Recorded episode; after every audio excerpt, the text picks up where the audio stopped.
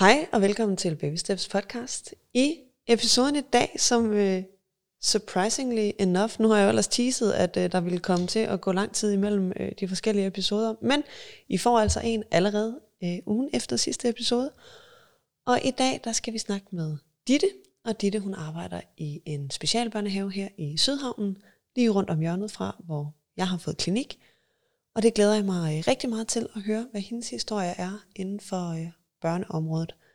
Men vi kender selvfølgelig rutinen, så øh, her kommer en lille jingle.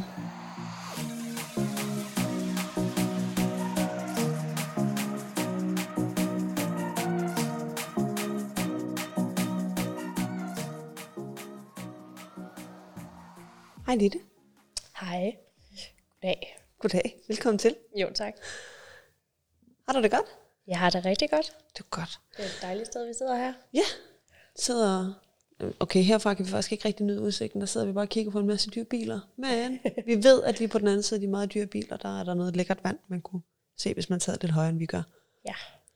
Vi skal snakke en lille smule om øh, dig i dag. Vi skal snakke en lille smule om, hvad, hvad din historie er, hvad du arbejder med i en special børnehave. Øh, hvordan at man som ergoterapeut på det her område arbejder sammen med sine nærmeste kollegaer, som meget sjældent er andre ergoterapeuter, men er tværfagligt personale.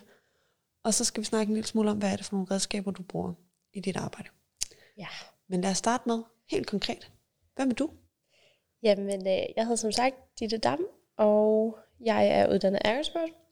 Jeg blev uddannet i januar sidste år. Øhm, og siden der har jeg arbejdet i den her specialbørnehave. Øhm, jeg startede med at vikariere lidt, inden øh, jeg blev færdiguddannet, og så blev jeg fastansat, øh, der var færdig, og så senere er det blevet til en ergoterapeutstilling. Okay. Så Så et, der, hvor du er ansat nu, ja. der var du under din uddannelse ansat som tilkaldevikar, eller... Øh, Ja, jeg havde øh, i december og november måned, der havde jeg 8 timer om ugen, mm. øh, hvor vi ligesom kunne lære hinanden at kende. Og så øh, da jeg blev færdiguddannet, så startede jeg fuldtid som medarbejder, eller som medhjælper, Mm. men havde så 15 timers ergo.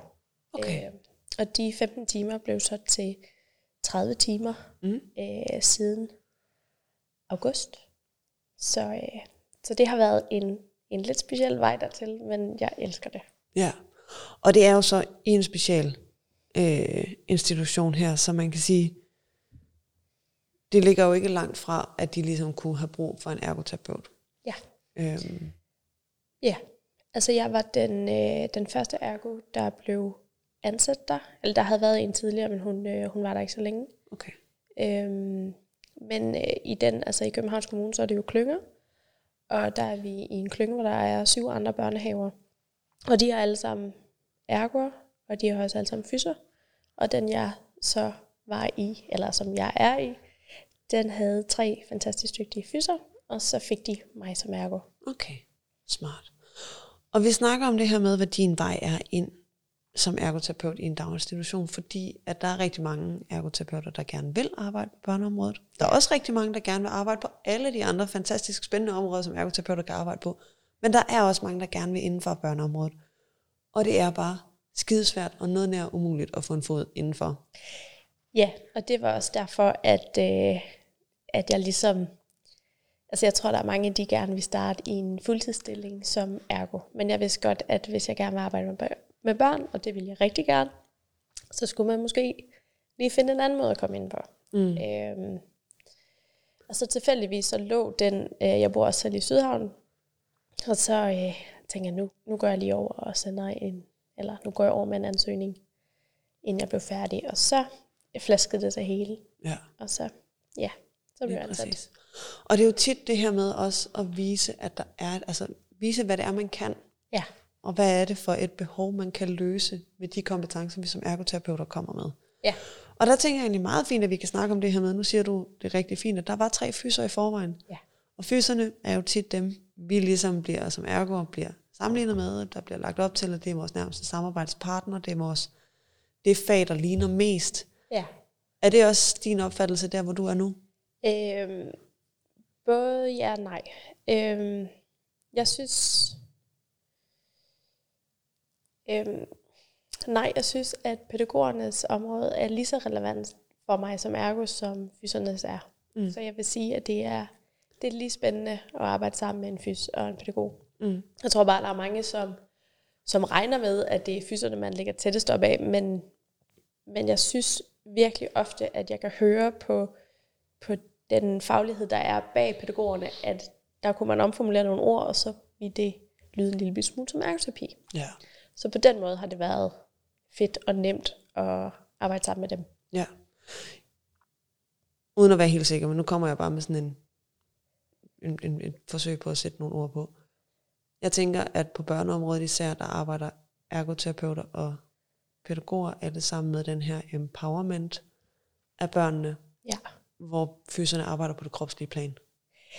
Øhm, ja og nej. Ej, jeg synes, vores fyser har øh, De har de holistiske briller på. meget, meget. De er virkelig tre dygtige, uh, tre dygtige Det, og det er jo heller ikke, fordi vi skal bash fyserne, fordi fyser er skide dygtige til det, de gør. Og, øh, og, og, og igen, vi ligner hinanden rigtig meget, men vi har også vores forskel.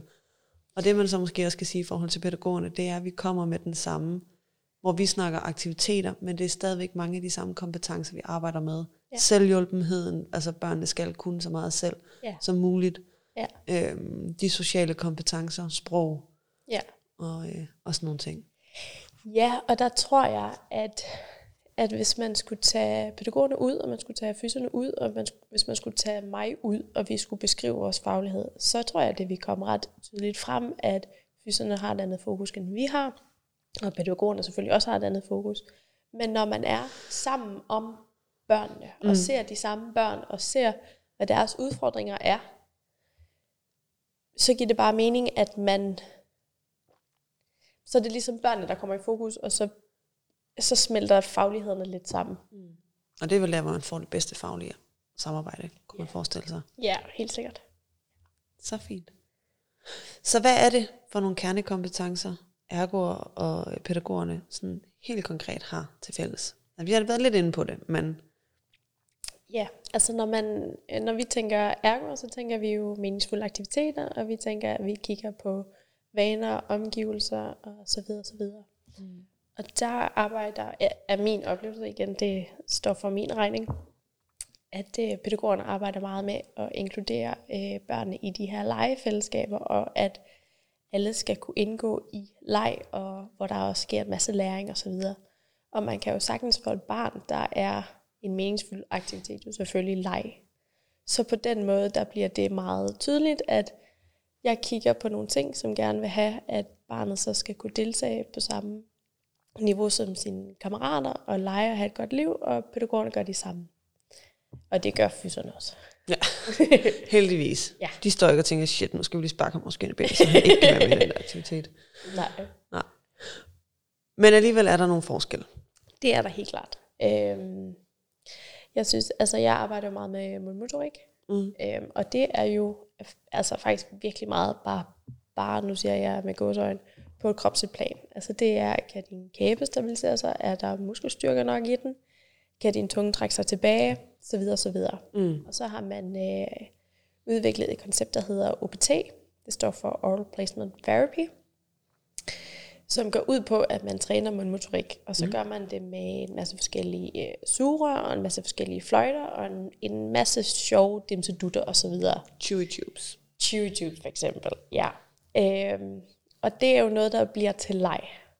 Øhm, men der er jeg meget bevidst om, at hvis jeg ikke er god til at motivere barnet, så er det ikke sjovt mm. at lave mundmotorik sammen med mig. Sandt.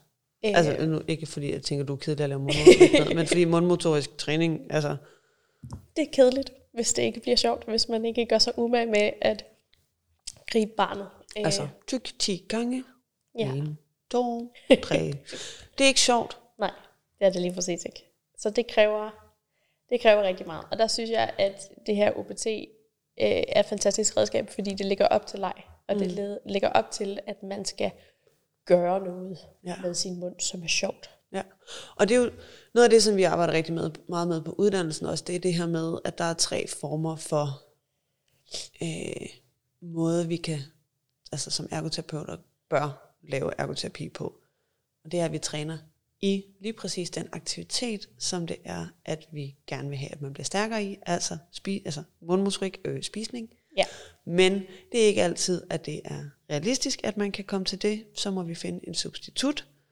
Og så er der der, hvor man for eksempel går ned, og det bliver lidt mere bare, at man træner bevægelserne, som jo er det, det er med OPT for eksempel i, den, i det tilfælde her. Men så får vi en ny dimension på, der hedder, at det også er en meningsfuld aktivitet for børnene at lege Ja. og være i. Og hvis man skaber en leg omkring det, så er vi måske på vej derhen af, hvor vi får kombineret to faktorer, som alligevel gør, at vi kan kalde det En meningsfuld aktivitet. præcis. Lige præcis. Og det har været, altså, der er to ting i det. For det første, hvis jeg ikke formår at gøre det sjovt og spændende og gøre det til en leg, så kommer jeg ingen vegne. Øhm, og det andet aspekt er jo selvfølgelig, at det er det, jeg er uddannet til, og det er det, jeg ved virker. Jeg ved, at hvis vi øh, sørger for at finde motivationen frem hos et menneske, og sørger for at gøre den intervention, vi laver, klientcentreret, så har det også en større effekt. Og det vil jeg jo selvfølgelig gerne understøtte. Mm. Men, men jeg kunne heller ikke gøre det, hvis jeg ikke gjorde det sjovt. Altså, det, jeg ville ikke få noget som helst igennem. Altså nu ved jeg godt, at jeg tit inddrager eksempler fra min øh, tid som svømmeinstruktør, men, men der er tit forældre, der kommer og siger, hvorfor er det, vi skal lege alle mine guldfisk komme hjem? Altså, hvad er det, det, det de skal jo lære at svømme. Ja, men jeg har jo ikke bedt din fireårige om at øh, kråle frem og tilbage og øh, lave krålarme. Det får jeg dem aldrig til. Nej. Men jeg kan godt sige, åh, oh, hvis vi laver farlig, farlig tigerarm, der går til angreb og siger, wow, Ja. og svømmer afsted, så får vi lige pludselig de samme arme, Ja. og barnet kommer fremad, og oplever succeshistorien med at komme fremad. Ja. Men uden at de ligesom bare har øh, trillet tørv frem og tilbage i, øh, fra bassinkant til bassinkant. Ja, det er præcis. Og det er virkelig, det er virkelig vigtigt. Og der kan man sige, der er kontant afregning med børn. Det, der er ikke så meget der. Nej, hvis det ikke er sjovt, så finder de på noget, der er sjovt. Præcis. så, og det er jo det, der er, blandt andet det, der er fantastisk ved at arbejde med børn. Altså, du skal virkelig helt ned på deres niveau, og du skal bruge alt af dig selv. Altså, man kan ikke have en dårlig dag, fordi det kan børnene mærke, eller det kan de børn, vi har mærke, og så har det en konsekvens for den intervention, du vil lave. Mm. Øh, du skal bruge dig selv hele tiden. Øh, ja. Og det er hårdt, men helt fantastisk. Ja, det er så sindssygt givende. Især fordi man jo, når man engagerer sig 100% og, og kaster sig med ind i aktiviteterne, så oplever man også succeshistorierne på samme måde, som børnene gør. Ja. Altså når de lykkes med noget, så bliver man jo helt stolt på deres vegne, Ja, lige præcis. og kan mærke det helt dybt ind. Ikke? Ja, Det er simpelthen fantastisk. ja det er. Jeg tabte lige tråden. der var et eller andet, jeg sad og tænkte på. Nå jo, det var fordi, at du sad og sagde det her med, at vi skal hele tiden motivere dem og aktivere dem og sørge for, at det er sjovt, det de laver. Og så kom jeg bare til at tænke på, at det er egentlig sjovt, hvornår det, vi går over fra, at vi, alt det, vi skal lave, skal være sjovt, til at vi som voksne laver overspringshandlinger, som bare er mindre kedelige. Altså, man sidder, og så begynder man at lægge vasketøj sammen, som jo aldrig nogensinde har været en sjov aktivitet, men det er trods alt sjovere, end at skulle lave regnskabet, eller Ja. Et eller andet. Og nemmere. Ja, Altså, tit, altså når man sidder med et eller andet, som er svært og kedeligt, så vil man, altså hjernen vil bare gerne væk fra den situation, hvor man bliver presset lidt. ja. Man vil bare gerne væk fra det svære. Ja, lige præcis. Så kan vi altid finde en sjov måde at lægge vasketøj sammen på. Ja, nemlig. Ja, Og det, altså, det oplever jeg ved børnene, at lige så snart jeg får stillet for mange krav, så reagerer de på det. ja, Og det her er jo børn, som ikke øh, rejser sig op og siger, det her, det, det kan jeg ikke finde ud af, så nu vil jeg gerne lave noget andet. Mm. Så det er jo en anden måde, de så reagerer på. Så der skal man jo hele tiden være en, et, et step foran, og hele tiden øh, øh, kunne regne ud, hvornår bliver det for meget, hvornår mm. er det fantastisk, hvornår, så videre, så videre, så videre. ja. Og det er virkelig spændende. Og, og det er meget vigtigt. Øh, For mig har det været meget vigtigt at forstå, at det er mig, der har gjort noget forkert, hvis jeg ikke kan få barnet til at være motiveret og til at... Løse en opgave og være med. Ja. Ja, Præcis, så har det intet med barnet at gøre, så er det mig, der har fejlet. ja. Og det er ja, kontant afregning. fuldstændig Ja. kontant afregning. Og, og det er jo ikke kun på specialområdet, at vi ser det. Altså det er jo, jeg kan jo se det på min egen søn, som jeg altså, umiddelbart ikke tror falder ind under specialområdet, men altså alt kan jo nå at ske endnu. Han er kun to og et halvt, så øh, der er mange diagnoser, man kan nå at opdage, at han har, øh, hvis det endelig skulle være. Det var igen et tidsspring. øhm, men hvis jeg får stillet en opgave til ham, som er for svær, så ignorerer han mig. Ja, det piskede han ikke. Nej, det kan du godt droppe det her, mor. Jeg sidder lige her og leger med mit tog.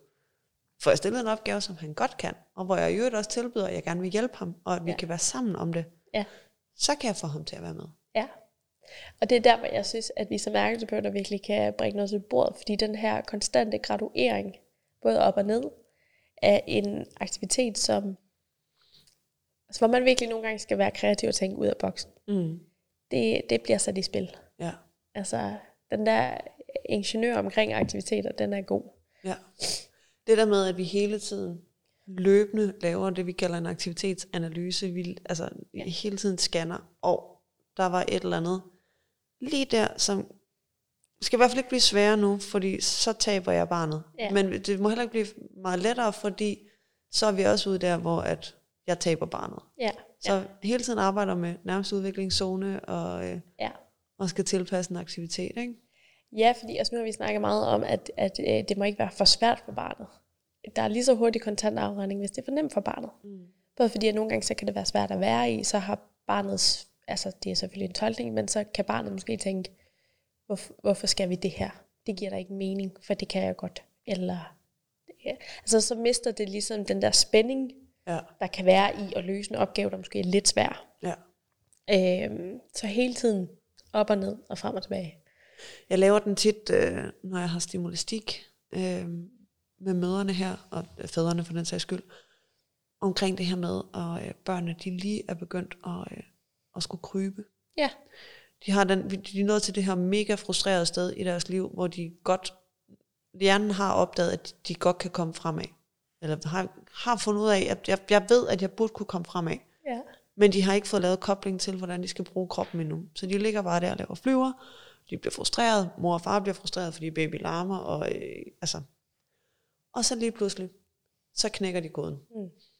Og den her første gang, at det lykkes for barnet at komme fremad ved egen hjælp, efter intens frustration, det svarer lidt til, er min tolkning, at man har trænet og trænet og trænet til at gennemføre en Ironman. ja, Og så løber man over målstregen. ja. Og det hele er... Og det hele er fedt, og det har været pisse hårdt, og man kan godt stadigvæk huske, hvor meget lort det var, og man er også lidt øm i kroppen. Men den der Den er- rush af endorfiner og oxytocin, der bare løber igennem kroppen over, at man, Man gjorde det. you did it. Ja, belønningen er enorm. Det er det, babyerne oplever. Det er, når de begynder at krybe.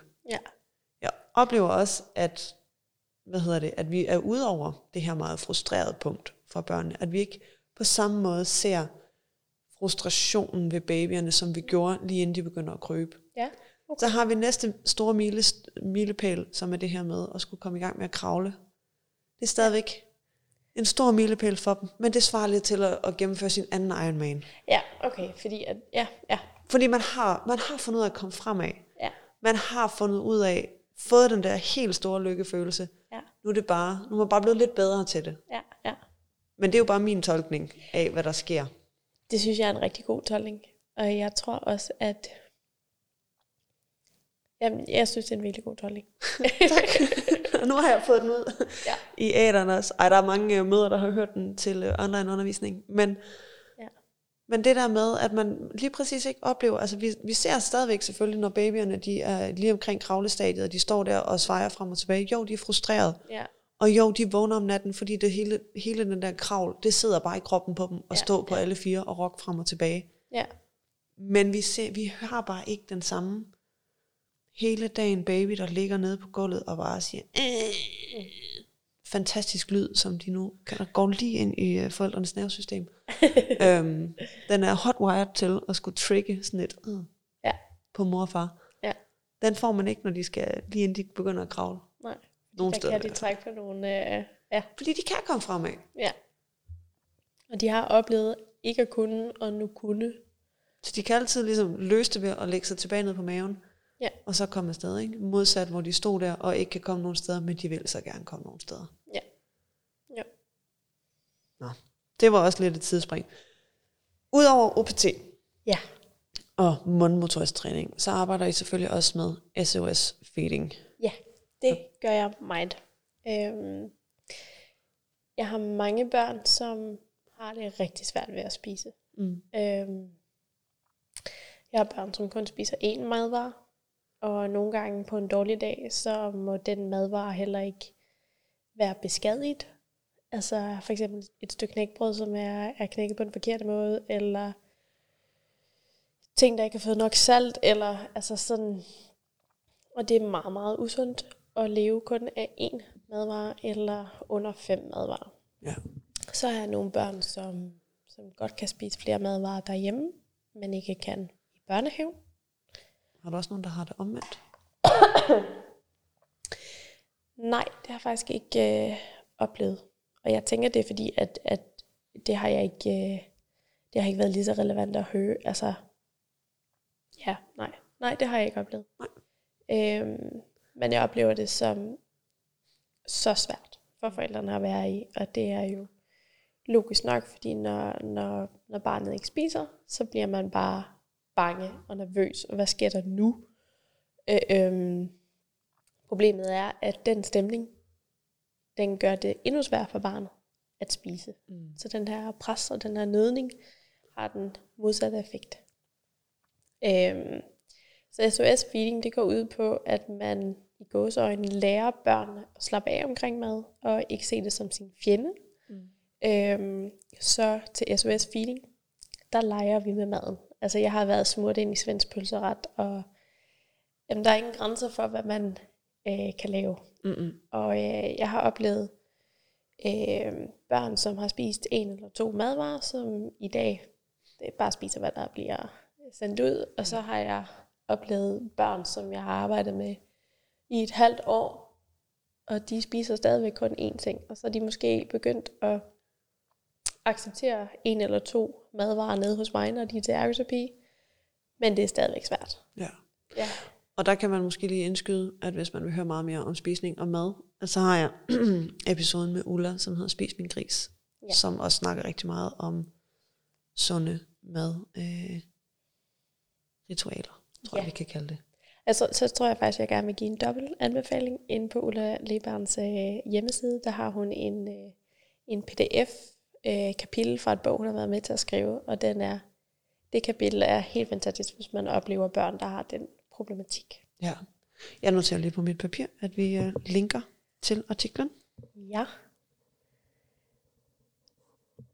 Men ja, SOS feeding er den psykiske del af at spise, og ikke øh, den fysiske, som OPT er. Ja.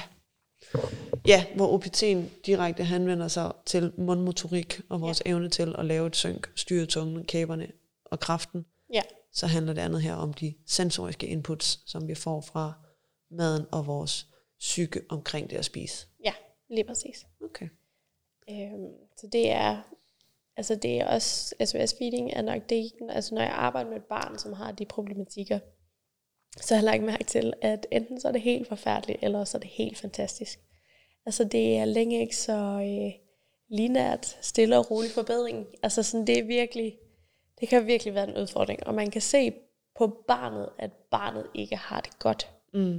De, de er Øh. simpelthen stresset over at blive, uds- altså, Ja, blive udsat i situationstegn for de her madvarer, ja lige Og- præcis. teksturer og konsistenser. Ja, præcis. Altså jeg har øh, virkelig meget arachnofobi, og jeg har sammenlignet mig med, hvis jeg skulle spise Mm. taranteller, ligesom for at kunne sætte mig ind i deres, hvordan det føles for dem. Mm.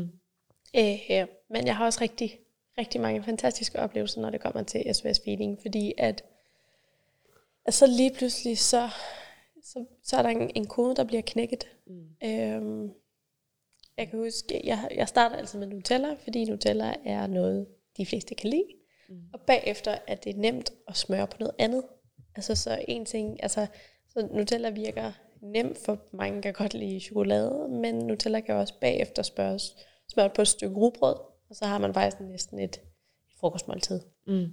Øhm, og der havde jeg et barn, som først nægtede at være i rum, når jeg havde Nutella fremme. Så nægtede, og, og det afviste han i et stykke tid, skreg, når, når det var der. Ligge ind i rummet.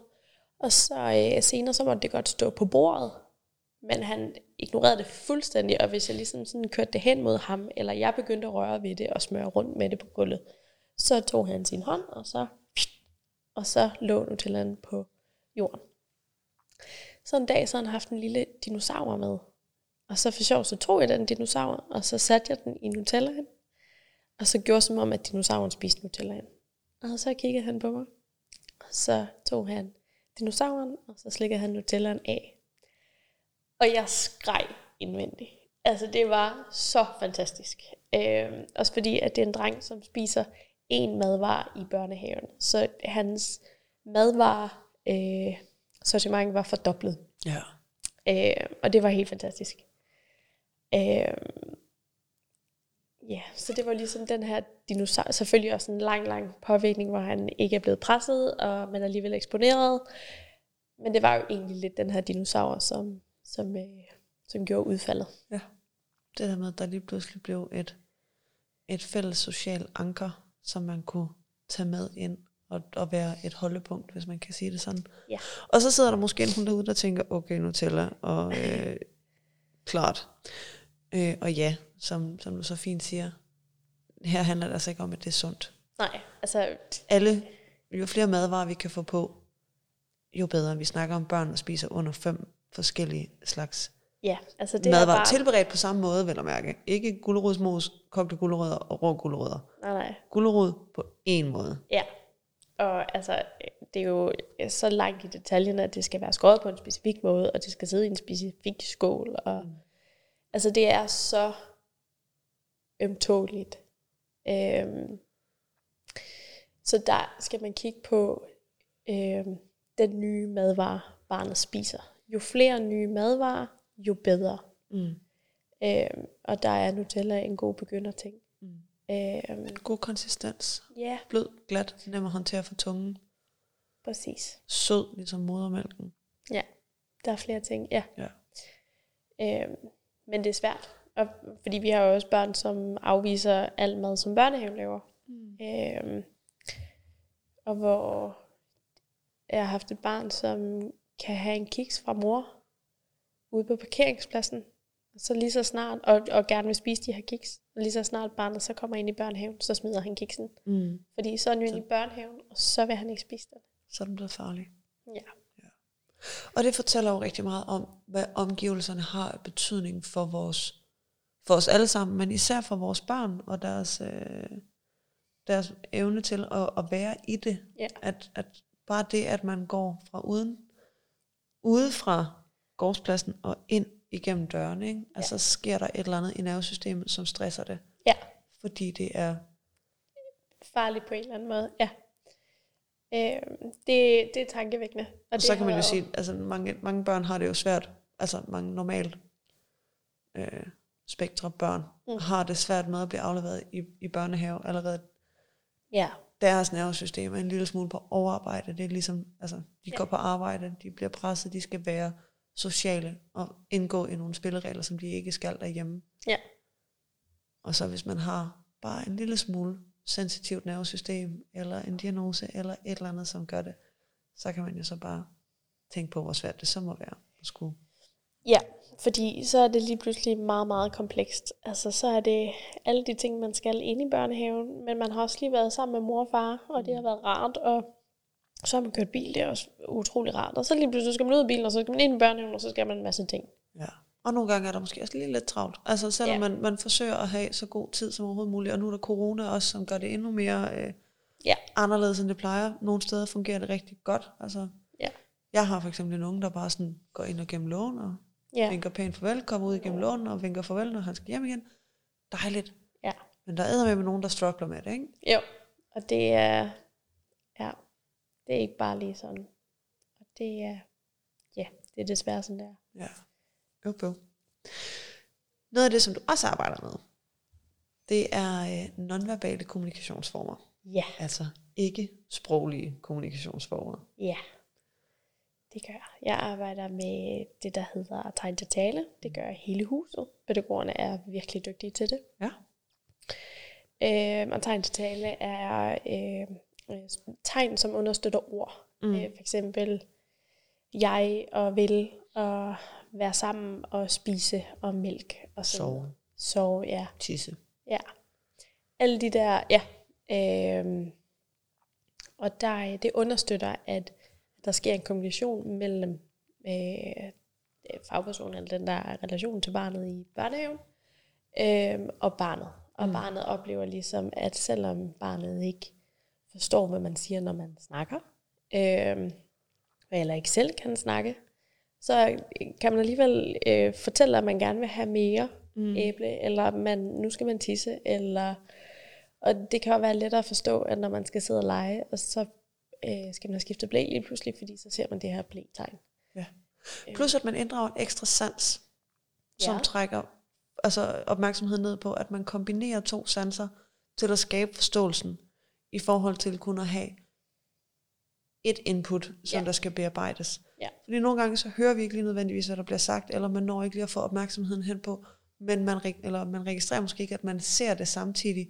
Men i og med, at hjernen får inputtet fra to forskellige steder af, har det dobbelt op på, at, altså mulighed for at aflæse det korrekt, og, Ja. ja. og fange mening med, hvad det er, man vil sige. Ikke? Jo, lige præcis. Og det fungerer virkelig godt. Øh, noget andet, der også bliver brugt rigtig meget, det er jo øh, piktogrammer og konkreter. Øhm, så man kan fx få en strimmel, hvor der står, du skal have tøj på, du skal tisse, og du skal ud for i, øh, på legepladsen. Så kan barnet se de her tre øhm, øh, øh, piktogrammer, som det kender i forvejen, og så, så ved barnet, hvad det skal nu. Og så er det nogle gange nemmere. Øh, og så kan man jo samtidig også sige det med, med tegn. Og man kan, vi bruger også rigtig meget at sætte et ur. Lige nu sidder du på gulvet og leger. Jeg sætter et ur. Når det ringer, så er du færdig. Og så viser man med tegn og med piktogrammer, hvad det så skal. Mm. Og så kan barnet lege færdig, og kan, vi har sådan nogle øh, rigtig gode, nogle de hedder time timer, hvor, man, hvor barnet kan følge med i. Det bliver mindre og mindre rødt, og så til sidst ringer det. Ja. Øh, så det er en rigtig god måde at lave et skift, og lave, at nu skal barnet noget andet, og barnet skal være med i det, og forstå det, og ikke føle, at det bliver øh, Kastet fra en aktivitet til den anden. præcis. Og det er der jo også, igen Ulla, øh, men det er der rigtig meget øh, god glæde at hente i på i en helt almindelig familie også, at Ja. man lige får sat et tydeligt, her skal vi spise, så barnet når at blive klar og omstille sig, så man ikke bliver taget direkte fra den gode leg og over til at skulle sidde ved bordet, og man så får konflikten der. Ja. Eller der bliver råbt tværs igennem huset, vi spiser nu! ja, og altså barnet øh, selektivt, så på et eller andet tidspunkt, så hører de jo heller ikke det, der bliver sagt, når der er blevet sagt, vi skal spise hver aften i... Mm. Altså, så der sker nogle ting der. Og jeg synes, det jeg, altså de ting, vi arbejder med i den børnehave, jeg arbejder i, selvom det er en special børnehave, så synes jeg, det er relevant for både almindelige børnehaver, jeg synes, det er relevant for vuggestuer, jeg synes, det er relevant for familier og skoler, fordi det understøtter noget, der godt kan være noget, som et almindeligt barn godt kan forstå, men det kan gøre det lettere. Mm. Og på en dårlig dag, eller på en dag, hvor tingene bare ikke vil, så er det rigtig, rigtig godt. Mm. Øh, ja, Ja. Så det er sådan, at I arbejder, så arbejder I med det, der hedder intensive interaction. ja, det er mit absolut, det har jeg en stor forkærlighed for. Intensive interaction går ud på, at man efterligner barnets øh, lyde eller ord, Mm. øhm, og bevægelser. Øhm, og man skal gøre det så identisk som overhovedet muligt. Mm. Øhm, og det er ikke alle børn, der er klar til det. Øh, men når de er, så oplever jeg, at der sker et eller andet magisk. Mm. Det er som om, at og de skal tit lige teste det. Øhm, sådan siger den samme sjove lyd fem gange i træk for at se, siger hende damen det samme som mig? Nej, hvor hold da op. Og det er ligesom en måde at vise, jeg hører, hvad du gør. Jeg hører dig, og jeg ser dig lige nu, og jeg vil gerne kommunikere med dig, men på dine præmisser. Mm. Øhm, så det, det både understøtter relationen, men det understøtter også lysten til at kommunikere. Ja. Fordi at der er, når vi kommunikerer lige nu, det er det, der sker. Det har jeg ikke med spejlneuronerne, og arbejder også sådan set, som vi også snakkede om, da du introducerede det første gang, med basisprincipperne fra, hvordan vi kommunikerer med de helt små babyer. Ja, lige præcis. Og det, er- det er magisk. Altså, ja, vi har børn, som, hvor øjenkontakt er meget, meget, meget svært. Øhm, og, og der kan der ske noget magisk, hvis man laver intensive interaction. At lige pludselig, nå, okay. Øhm, det er jeg helt vildt begejstret for. Også fordi, at det er så simpelt. Det eneste, du skal gøre, det er at gøre, hvad barnet gør. Mm. Og det skal- Anerkende barnet. Præcis. Og det skal helst være så langt nede på deres niveau som muligt. Altså, hvis barnet kravler, så kravler du også. Hvis barnet roder rundt og vender sig rundt, så er det det, du også gør. Hvis barnet kigger på øh, fisk i 15 minutter, så er det det, du også gør. Så du følger med barnet. Ja. Follow the leader. Yes. Sejt. Nu hedder det intensive interaction. Så jeg tænker, det er noget, man gør intensivt, Ja. men i kortere intervaller, eller er det noget, man gør hele tiden? Øh, både og. Altså, jeg ved ikke, om det er det, de mener med, altså det står helt for egen regning, men det kan godt blive meget intenst.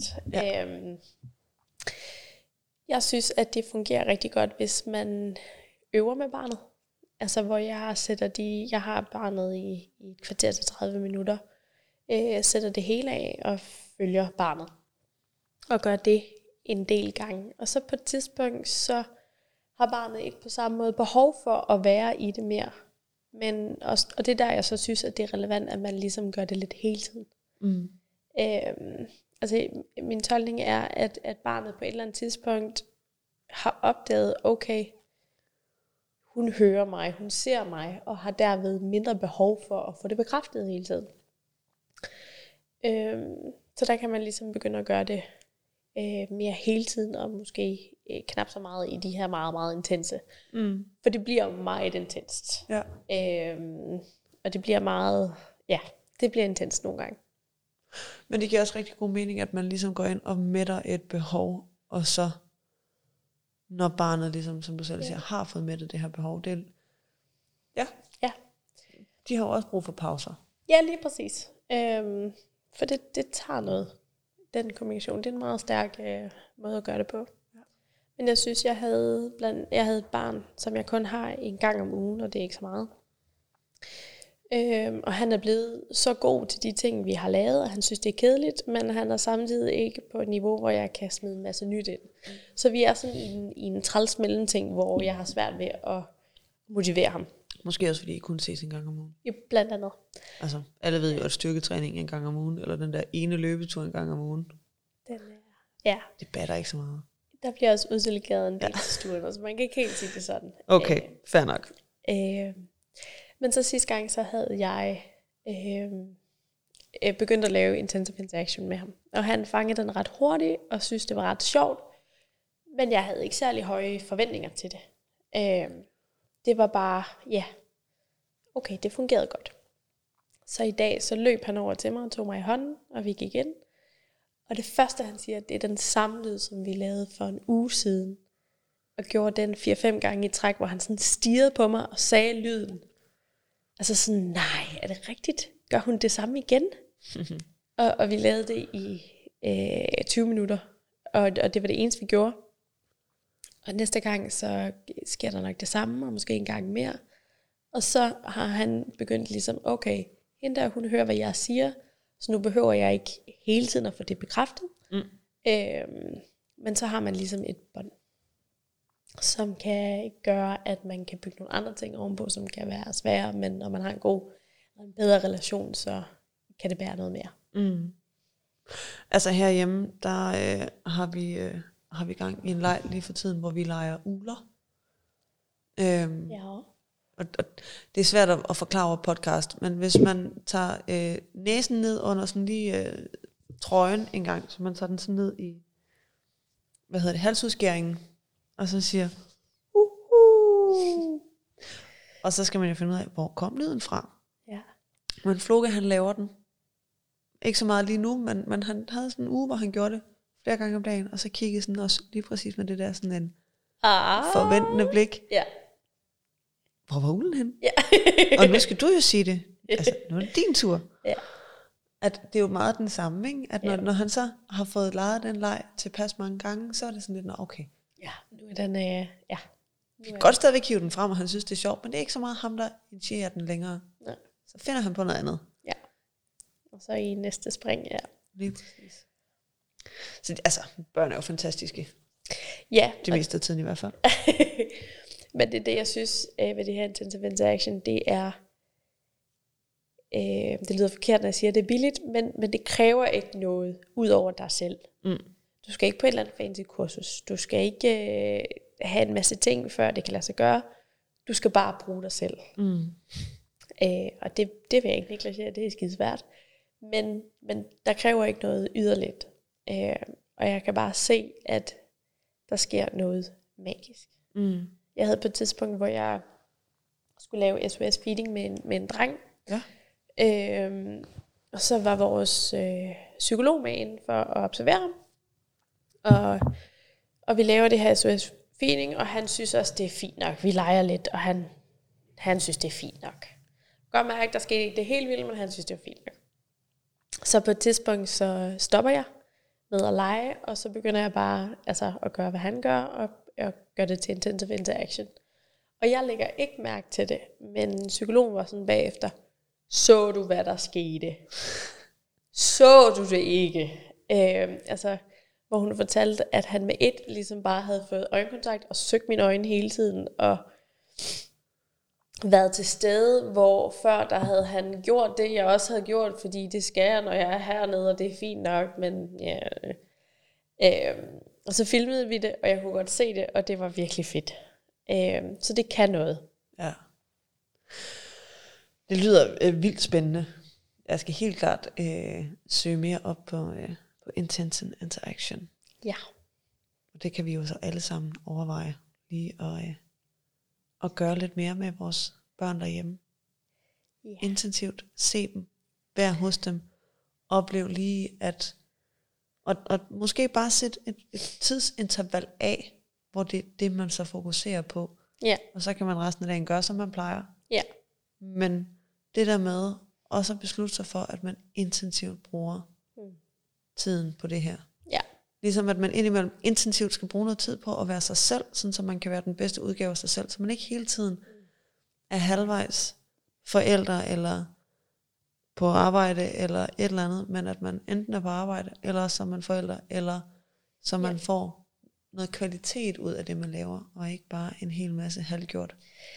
Ja, og der vil jeg sige, at det, der kan være øh, en udfordring ved intensive interaction, det er, at øh, man kan føle sig... Hvis man ikke har den store skuespiller i maven, så kan man godt føle sig lidt øh, dum. Altså, man skal lige, man skal lige kunne være i Man skal den over der... nogle grænser, ikke? Ja, præcis. Og det er jo så der, vi kan arbejde med konceptet fake it till you make it. Ja. Åh, her ja. Øh, men det, det belønner sig virkelig. Det Ja. er fedt. Man skal lige være opmærksom på, at det er ikke alle børn, som fanger den, og der, der skal noget kognitivt til. Okay. Så øh, altså, jeg kan ikke gøre det på alle børn. Øhm, så nogen, så tager det lidt tid, og så lige pludselig så kan man se, okay, nu kiggede hun over på mig rigtig mange gange i træk. Er det, fordi hun søger et eller andet, og så kan man begynde at stimulere det. Fordi det kan godt, hvis du trækker det ned over et barn, som ikke er klar til det, så virker det stressende. Okay. Men, men det, det ved man, fordi at så får man jo ikke feedbacken, og så er det jo ikke, så, så falder det jo til jorden. Ja. Så der, når man forsøger at få gang i lejen, så skal man hele tiden være opmærksom på, om barnet så responderer på dit forsøg på at gøre det samme, som de gør. Ved, går de ind i det? Ja. Gentager de selv sig selv? Eller Ja. kigger de på dig med det her forventningsfulde øjne? Ja. Eller kigger de på dig og kigger væk? Ja. Hvis de kigger på dig og kigger væk, så er det jo en, en god indikator på, at Det var ikke klart. ja, Ja. Ja. spændende. Er der ellers noget, du tænker, at vi skal have vendt her til øh, allersidst? Mm. Nej, det synes jeg ikke. Nej. Det er, jeg Du synes, har fået fortalt godt om din hverdag. Ja, det synes jeg. Ja. Jeg synes, det er et, et dejligt job, og øh, giver en masse udfordringer, og jeg er virkelig, virkelig glad for det. Det lyder også som et rigtig dejligt sted at være. Og som et rigtig givende sted at være. Meget. Om end hårdt med, øh, mange af de her børns problematikker. Ja. Øhm, men det er også, altså, jeg oplever et hus, hvor alle er fagligt engageret. Mm. Altså alle. Jeg tror ikke, at man har lyst til at være der, hvis man ikke går op i det, man laver. For man kan ikke bare slå, slå hovedet fra, og så, nå ja. Øhm, så jeg oplever et sted, hvor, hvor det er intenst fagligt. Ja. Og øh, nogle gange kan det jo godt skabe øh, uenigheder, fordi at det er jo børn, og man kan ikke, det er ikke noget, hvor man lige kan aflæse en graf eller se en statistik, og så kan man argumentere ud fra det. Mm. Det er jo følelser og tolkninger og mennesker. Øh, men det er virkelig, virkelig fedt at være en del af et sted, hvor man virkelig godt må nørde, og hvor man virkelig får sat noget, noget på spil. ja, Det er fedt. det forstår jeg godt. Jeg glæder mig også til at sætte ting på spil. Mere, mere end vores øh, private økonomi øh, her under corona. Den er virkelig sat på spil, men altså sådan er det. Det tænker jeg, der er mange, der lider under ude i øh, det ganske danske land. Ja, lad os håbe, at corona snart er ved at være væk. Nu skal vi bare alle sammen vaccineres. Ja, Også for dem, der ikke vil vaccineres, de må så lade være med at blive vaccineret. desværre, ja. Ja. Nej, jeg er lige blevet vaccineret. Øh, og skal snart have mit andet stik. Ja. Jeg fik tilbuddet gennem øh, Ergoterapeutforeningen, men i og med, at jeg ikke har med sårbare borgere at gøre, så valgte jeg at øh, sige, at det gav ikke mening, at jeg skulle tage et stik For. nu. Nej. Så jeg venter. Det bliver spændende. Ja. Ja. Så fik vi også snakket om vacciner. Ja da. Jeg tænker, at vi lige selvfølgelig skal runde af, og øh, som sædvanligt at sige, er der nogle steder, hvis nu folk gerne vil øh, snakke med dig, at de kan finde dig? ja, jeg er både på LinkedIn og Instagram. Ja. Øh, jeg hedder Ditte Dam. Ditte med to D'er, og Faktisk det med fire D'er. ja, jeg er fra Dam. Yes. Og så er Dam med to M'er. Jeg linker til det nede i, øh, i kommentarfeltet, og så kan man søge dig frem på LinkedIn også. ja. Ja. Og øh, hvis I gerne vil vide mere om øh, Baby Steps og mig, jeg hedder Anne og øh, jeg har kanalen babysteps.dk og øh, hjemmesiden baby Og øh, I er altid velkommen til at skrive og kommentere og stille spørgsmål. Og jeg tager også gerne imod forespørgseler på eventuelle emner, som jeg kan tage op i podcasten. Det er øh, altid dejligt at høre, hvad I gerne vil høre. Så øh, tak for i dag. Og så slutter vi jo i øvrigt altid også lige af med ham her. Vi ses måske om en uge.